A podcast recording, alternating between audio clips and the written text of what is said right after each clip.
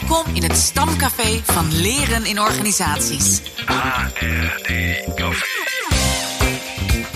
Maak het jezelf gemakkelijk. Ontmoet vakgenoten en laat je verrassen door de laatste nieuwtjes. HRD Café. Ja, tussen alle WK-perikelen door was het deze week onder andere de week van het eh, VO-congres. Eh, dat is het congres van de VO-raad. En dat is dan weer de Nederlandse Vereniging van Scholen in het voortgezet onderwijs. Het centrale thema dit keer was de toekomst van het onderwijs. En PJ, jij was daar eh, aanwezig volgens mij, hè? En, en hoe heb je het ervaren? Het was vooral heel koud. Oh, ja? Ja, ja, je merkt dan toch weer dat de energieprijzen, denk ik, eh, dat die hoger zijn. Dus eh, volgens mij hebben ze de verwarming zo laag mogelijk gezet. Oh ja. Dus ik was blij dat ik een jasje aan had. Maar eh superleuk om het te zijn. Ook echt wel weer een beetje een flashback naar mijn eigen middelbare schooltijd. En, en die was dan weer heel leuk. Dus, ja? Hoe was je dan als middelbare school, scholier? Eh, k- constructief eh, eh, vervelend, denk ik. Of tenminste, hoe zeg je dat? Eh, gewoon over het algemeen wel eh, leuk. Maar Mhm. eh, vooral geïnteresseerd in de sociale kant van het onderwijs. Nou, mooi. Ja, Ja. ik zie dus weinig, eh, dus weinig veranderd. zeg Eigenlijk maar. wel, ja. ja. Dus eh, inhoudelijk eh, eh, wist ik niet zoveel. Maar uiteindelijk met mijn vrienden kon ik goed opschieten. Ehm, nou, het is eh, wel mooi, want ik las ook even de speech die Henk ha Haaghoort en Ingrid de Bond gaven tijdens het eh, VO-congres. En zij zeiden, een school bestaat uit meer dan leraren en leerlingen. Elke school is een gemeenschap waar het onderwijs ondersteunend personeel integraal onderdeel van uitmaakt. De conciërge en zorgmedewerker leveren net als leraren een eigen bijdrage aan de brede vorming van leerlingen. Dat je als leidinggevende en docenten niet alleen leerlingen ondersteunt bij het leren, maar zelf ook kunt blijven leren. Daarover schrijven dan Wilfried Admiraal, Wouter Schenke, Loes de Jong en Henk Slichte in het handboek Human Resources Development. Ja, erg mooi dat het onderwijs eh, en leren in onderwijsorganisaties ook expliciet eh, toegevoegd is aan het handboek eh, HRD. De school is natuurlijk bij uitstek ook een, lerende organisatie, zou je kunnen zeggen. Ik sprak een tijdje geleden met eh, Loes de Jong en eh, Henk Slichten. Henk de Slichte, Henk Slichte, Henk Slichte volgens mij. Een tijdje geleden eh, sprak ik hen samen met Suzanne Verdonschot over de school als professionele leergemeenschap. En ik vroeg Loes naar hoe ze eigenlijk naar de toekomst kijkt van de school als professionele leergemeenschap. Je ziet, ehm, eh, als je ook kijkt naar al het onderzoek wat gedaan is rondom dit thema, dat er echt een, eh, ja, een beweging eh, op gang is gekomen waarbij scholen eigenlijk steeds meer die gedeelde verantwoordelijkheid gaan dragen voor, voor de onderwijskwaliteit. En dus ook echt heel doelgericht samenwerking inzetten. En ik denk eigenlijk dat het alleen maar meer gaat worden. Niet alleen maar om, om die onderwijskwaliteit in scholen te borgen, maar ook omdat het gewoon heel belangrijk is voor, de, voor, de werk, voor het werkplezier van leraren in school. En Ja. ook het aantrekkelijk maken van het beroep. En dat is natuurlijk eh, ja, extra belangrijk nu dat we nog steeds met zo'n lerarentekort zitten. Dus ik denk dat het eigenlijk eh, een beweging is die alleen maar eh, verder gaat en verder gaat.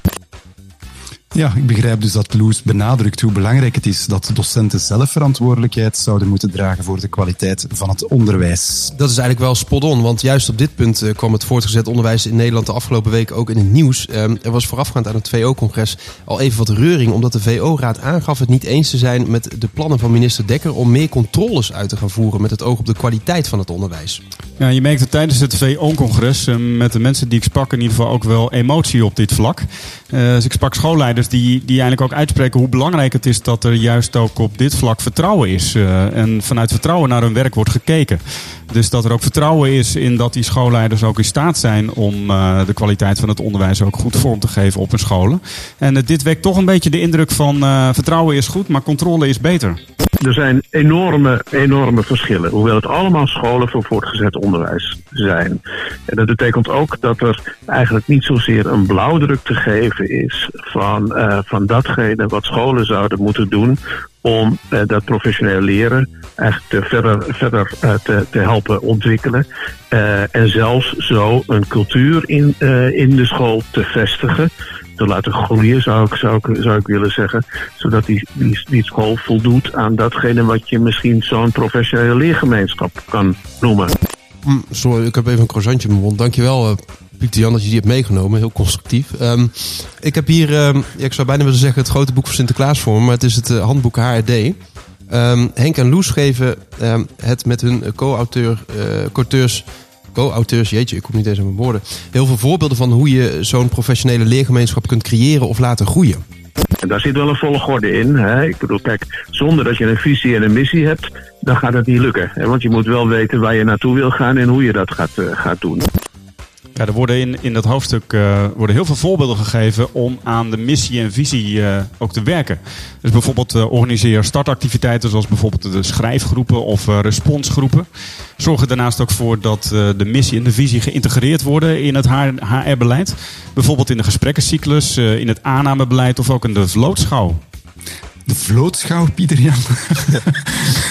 Wat is in godsnaam een vlootschouw? Daar heb, ik nu, daar heb ik nu echt wel nog nooit van gehoord.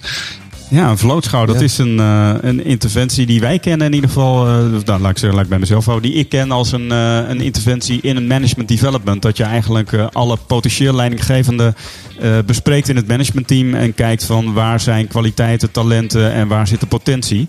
En hoe kunnen we ook van deze ja, potentieel leidinggevende ook een route ontwikkelen. Een leerroute die ervoor zorgt dat we, dat we ze in de organisatie ook maximaal op, een plek, op een goede plek kunnen zetten. Hmm, ja, ja, een beetje uh, eigenlijk uh, succession planning doen en de potentials uh, identificeren en daar groeipaden voor gaan uit. Het is dan toch wel weer leuk dat een Vlaming daar een Engelse term aan geeft. Ja, ja. ja. ja bijzonder. bijzonder. En geen Franse term, want dat gebeurt dan ook wel eens. Nee. Ik moest heel even denken aan de Florijnenvloot of zo. Vroeger was het de ABN AMRO kinderspaarrekening of zo die zo heet. Maar ja, het, het, klinkt wel een beetje inderdaad alsof je een soort scheepjes aan je voorbij ziet trekken en dat je ze dan beoordeelt. Hè? Dus ja, oh, ander woord moeten we misschien even voor bedenken. Um, nou, dat overzicht van interventies om de school verder te ontwikkelen tot professionele leergemeenschap wordt in het uh, hoofdstuk, en dat is hoofdstuk 21 uh, voor uh, als je het specifiek wil weten, wordt er verder in uitgewerkt in een aantal voorbeelden. En zelf vond ik het voorbeeld heel leuk om te lezen dat een, school een aantal werkplaatsen had ingericht rondom thema's zoals differentiëren, feedback geven en ontvangen, didactiek van het spel bij lichamelijke opvoeding. Um, er werd gekozen voor vrijwillige deelname en een duur van één of twee jaar. En die werkplaatsen werd afgesloten, of die werkplaats werd afgesloten met een concreet product in de vorm van een presentatie, een beleidsplan of een tijdschriftartikel. Dat is leuk. Ja, aan welke werkplaats zou jij willen deelnemen, Dirk? Uh, ik zou wel. ik moest even denken aan didactiek van het spel bij lichamelijke opvoeding. Maar dat ja? was puur omdat lichamelijke opvoeding en de bok en al dat soort dingen nooit zo mijn ding was. Dus uh, nou, dat, uh, dat, dat triggert me dan, vind ik leuk. Ja. Ja, ja. dat je dat toch beter in kan worden. Ja, precies. Of ja. in ieder geval iets voor kan maken dat leerlingen die dat soms ongemakkelijk vinden, ja. het toch wat prettiger te maken. Nou ja, grappig. Nou, ik, het leuke is, ik ontmoet nog wel eens vakgenoten die als achtergrond een, een, een opleiding hebben in de lichamelijke opvoeding. Hè? Dus oh, die hebben dan, uh, hoe heet het, CEO gedaan of de Academie voor de Lichamelijke Opvoeding. Dus er zit blijkbaar wel een link tussen lichamelijke opvoeding en, en HRD. Ik bladerde nog even naar de eindnoten. En ik zag ook dat er werd verwezen naar het werk van Etienne Wenger over communities of practice. En uh, dat hoor ik dan ook hier weer terug hè, in die werkplaatsen. Mm -hmm. Het is steeds weer zoeken naar vormen en manieren om mensen met overeenkomende interesses uh, met elkaar in contact te, te, laten brengen. Om kennis te maken, kennis te delen en ook samen kennis te ontwikkelen, zodat er ook uh, nieuwe ideeën ontstaan. Ja, we hebben nu maar een heel kort stukje gehoord natuurlijk, hè, Pieter Jan. Uh, er is een heel uh, uitgebreid gesprek daarover. En ja, als je het complete gesprek wilt gaan terugluisteren, check dan zeker de radioshow Vensters op HRD over het handboek Human Resources Development door Suzanne Verdonschot en Pieter-Jan van Wijngaarden. Een link daar naartoe vind je in de show notes. En het interview met Loes en Henk begint op ongeveer 1 uur en 50 minuten. Dat is wel prettig om te weten. Dan kan je even doorscrollen tot op dat punt. Of natuurlijk lees hoofdstuk 21 uit het handboek HRD over de school als professionele leergemeenschap. Een Dirk van der Pol, Pieter-Jan van Wijngaarden en Joep Schuurmans. HRD Café. Trending. Trending Topics. Trending Topics. Wat zijn de laatste nieuwtjes? Tika Peeman is een Nederlandse trainer en ze heeft een groepje onderbouwd trainen waarmee ze bekende modellen onderzoekt. Kloppen ze? Bijvoorbeeld uh, feedback, rouwcurve, teamfase. Ze publiceert updates van de groep via haar LinkedIn. LinkedIn.com slash in slash Tika Peeman. En Tika schrijf je dan met T-I-C-A. Dat doet mij weer denken aan het initiatief van Jean-Pierre Pincard. Hij is actief bij Sepsis. Skepsis, moet ik zeggen. Het is met een K. En uh, hij is actief bij de werkgroep Evidence-Based HR. Dus uh, misschien Jean-Pierre en Tika is het leuk om uh, hier een keer over te connecten. Van harte uitgenodigd in ieder geval om dat te doen in het HD-café. En Emmanuel Raj, of is het Emmanuel Ray, of is het uh, Emmanuel Raj? Die uh, refereert op uh, LinkedIn aan een onderzoek van Microsoft waaruit blijkt dat je brein rust nodig heeft. Surprise, surprise. Hè? Dat wisten we natuurlijk al wel, maar dit onderzoek bevestigt dat nog eens door te kijken naar hoe we meetings plannen. Het schijnt significant productiever en gezonder te zijn om pauzes te plannen tussen de vergaderingen of bijeenkomsten die je hebt op het werk. Een periode van steeds opvolgende meetings kan ervoor zorgen dat de stressniveaus ernstig toenemen. Daarmee neemt je vermogen om te focussen en betrokken te zijn juist weer af. Pauzes zorgen dus niet alleen voor ademruimte, het maakt ook dat je uiteindelijk beter presteert. Ja, ik las in het Financieel Dagblad over hoe men in Japan ervoor wil zorgen dat het kantoorpersoneel gelukkiger wordt. Het Japanse bedrijf uh, Fujitsu, Fujitsu uh, dat uh, wil de medewerkers weer meer naar de zin maken door honden op de werkvloer toe te staan. En ze hopen daarmee ook dat de productiviteit verhoogd wordt. In Kawasaki is het kantoor van dit bedrijf vooral op ingericht met kleedjes, benches, drinkbakken en niet onbelangrijk ook hondenluiers. Oh joh. Bij Amazon en Alphabet, dus dat is het bedrijf van Google, zijn honden op de werkvloer overigens al langer toegestaan. En de gedachte is dat een kantoordier de stress vermindert. Maar dat, is zeker daar wel belangrijk, want dan hoor je toch vaak over dat ene woord in, in Japan dat je jezelf letterlijk dood kunt werken. Uh, ik weet even niet wat dat woord ook alweer is. Maar ik kan me voorstellen, want jij, jij hebt het natuurlijk zelf ook, Pieter Jan. Harde werker. Maar sinds dat je Meili hebt, ben je een stuk rustiger. En dat zou je denken, ja. Ik word ook uh, vaker s'nachts wakker hoor. En dan uh, sta ik weer buiten met Meili. Dus ik, die hondenluier is misschien ook wel een idee. denk het ook.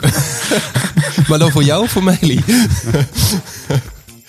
Ja, we deze aflevering al sinds nog niet zoveel honden op de achtergrond gehoord. Uh, daar kan ik dan misschien even voor zorgen. ja, ja, Gertje. In ontwikkeling. HRD Café. Nou, Dirk, jij zit hier weer klaar met, uh, met de briefjes. Uh, ik zou zeggen, kom maar door. Ja, komt ie.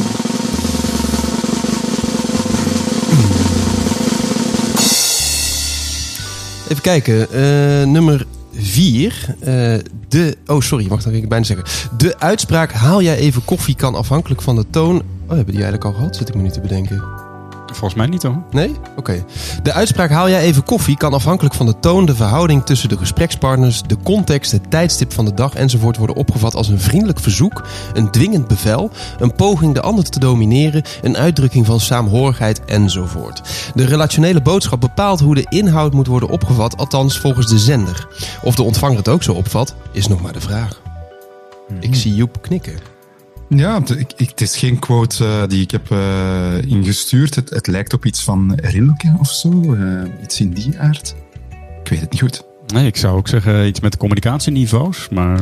Ja, ja de, de ondertitel is een groepsdynamische aanpak voor teamontwikkeling. En hmm. de, de, de, titel, oké, ik ga gewoon zeggen, de titel is De Hij Op. Oh. Van René oh. Meijer en Lex Mulder, geschreven in 2015 of uitgebracht. Oké, okay, ik ken het niet, maar leuk. En... Oh. Dan, heb ik, dan heb ik het misschien toch wel ingestuurd. oh, in één keer belt er, gaat er een belletje rinkelen. Ja, ja ik, ik heb het boek alleszins. Het is, uh, het is een prachtig boek en dat iets vertelt ook over um, hoe je naar uh, ja, groepsdynamisch kan kijken naar, uh, naar teams en hoe je gaan, gaan onderzoeken hoe het, ja, het harde en wat er gebeurt in de oppervlakte en wat er gebeurt in de diepte, hoe dat je die bij elkaar kan, kan verbinden. mooi boek, zeker een aanrader. Dirk, hou jij even koffie? Nou, vriendelijk. Uh, dank voor jouw bezoek aan het HD Café. Uh, volgende, weer, uh, volgende week, Dirk, alweer jouw laatste aflevering. Ja, het begint toch echt dichtbij te komen. 5 december stap ik in het vliegtuig naar Nepal, naar Kathmandu. om nou, 2,5 maand te reizen samen met mijn vriendin. Dus heel bijzonder. Heel veel zin in. En het voelt ook nog een beetje gek, omdat je echt in zo'n afrondingsfase van heel veel dingen zit. Maar er is in ieder geval nog ruimte voor één HD-café. Ja, leuk. Heb je nog wensen of zo? Uh, specifieke dingen die we kunnen doen? Ga ik als ik koffie voor je haal over nadenken. lijkt me een goed idee. Ik ga wel die momenten missen waarop dat je croissantjes in je mond popt en vervolgens de kruimels uh, in het rond strooit. Ja, en dan zijn we natuurlijk ook uh, op zoek nog uh, naar extra leuke nieuwtjes, aangezien dat jij die niet meer zal kunnen aanbrengen, Dirk. Dus als er luisteraars zijn die leuke nieuwtjes hebben of die willen reageren, dan mogen ze gerust mailen naar reactie.hrdcafé.nl. En we zijn uiteraard ook te vinden op Instagram. Dat hoort zo. Hè? Dat is hip. At HRD Café Podcast. Tot volgende week. Ja, we deze aflevering al sinds nog niet zoveel honden op de achtergrond gehoord. Uh, daar kan ik dan misschien even voor zorgen. Deze podcast. Deze podcast werd geproduceerd door Kessels en Smit. Kessels en Smit Broadcasting.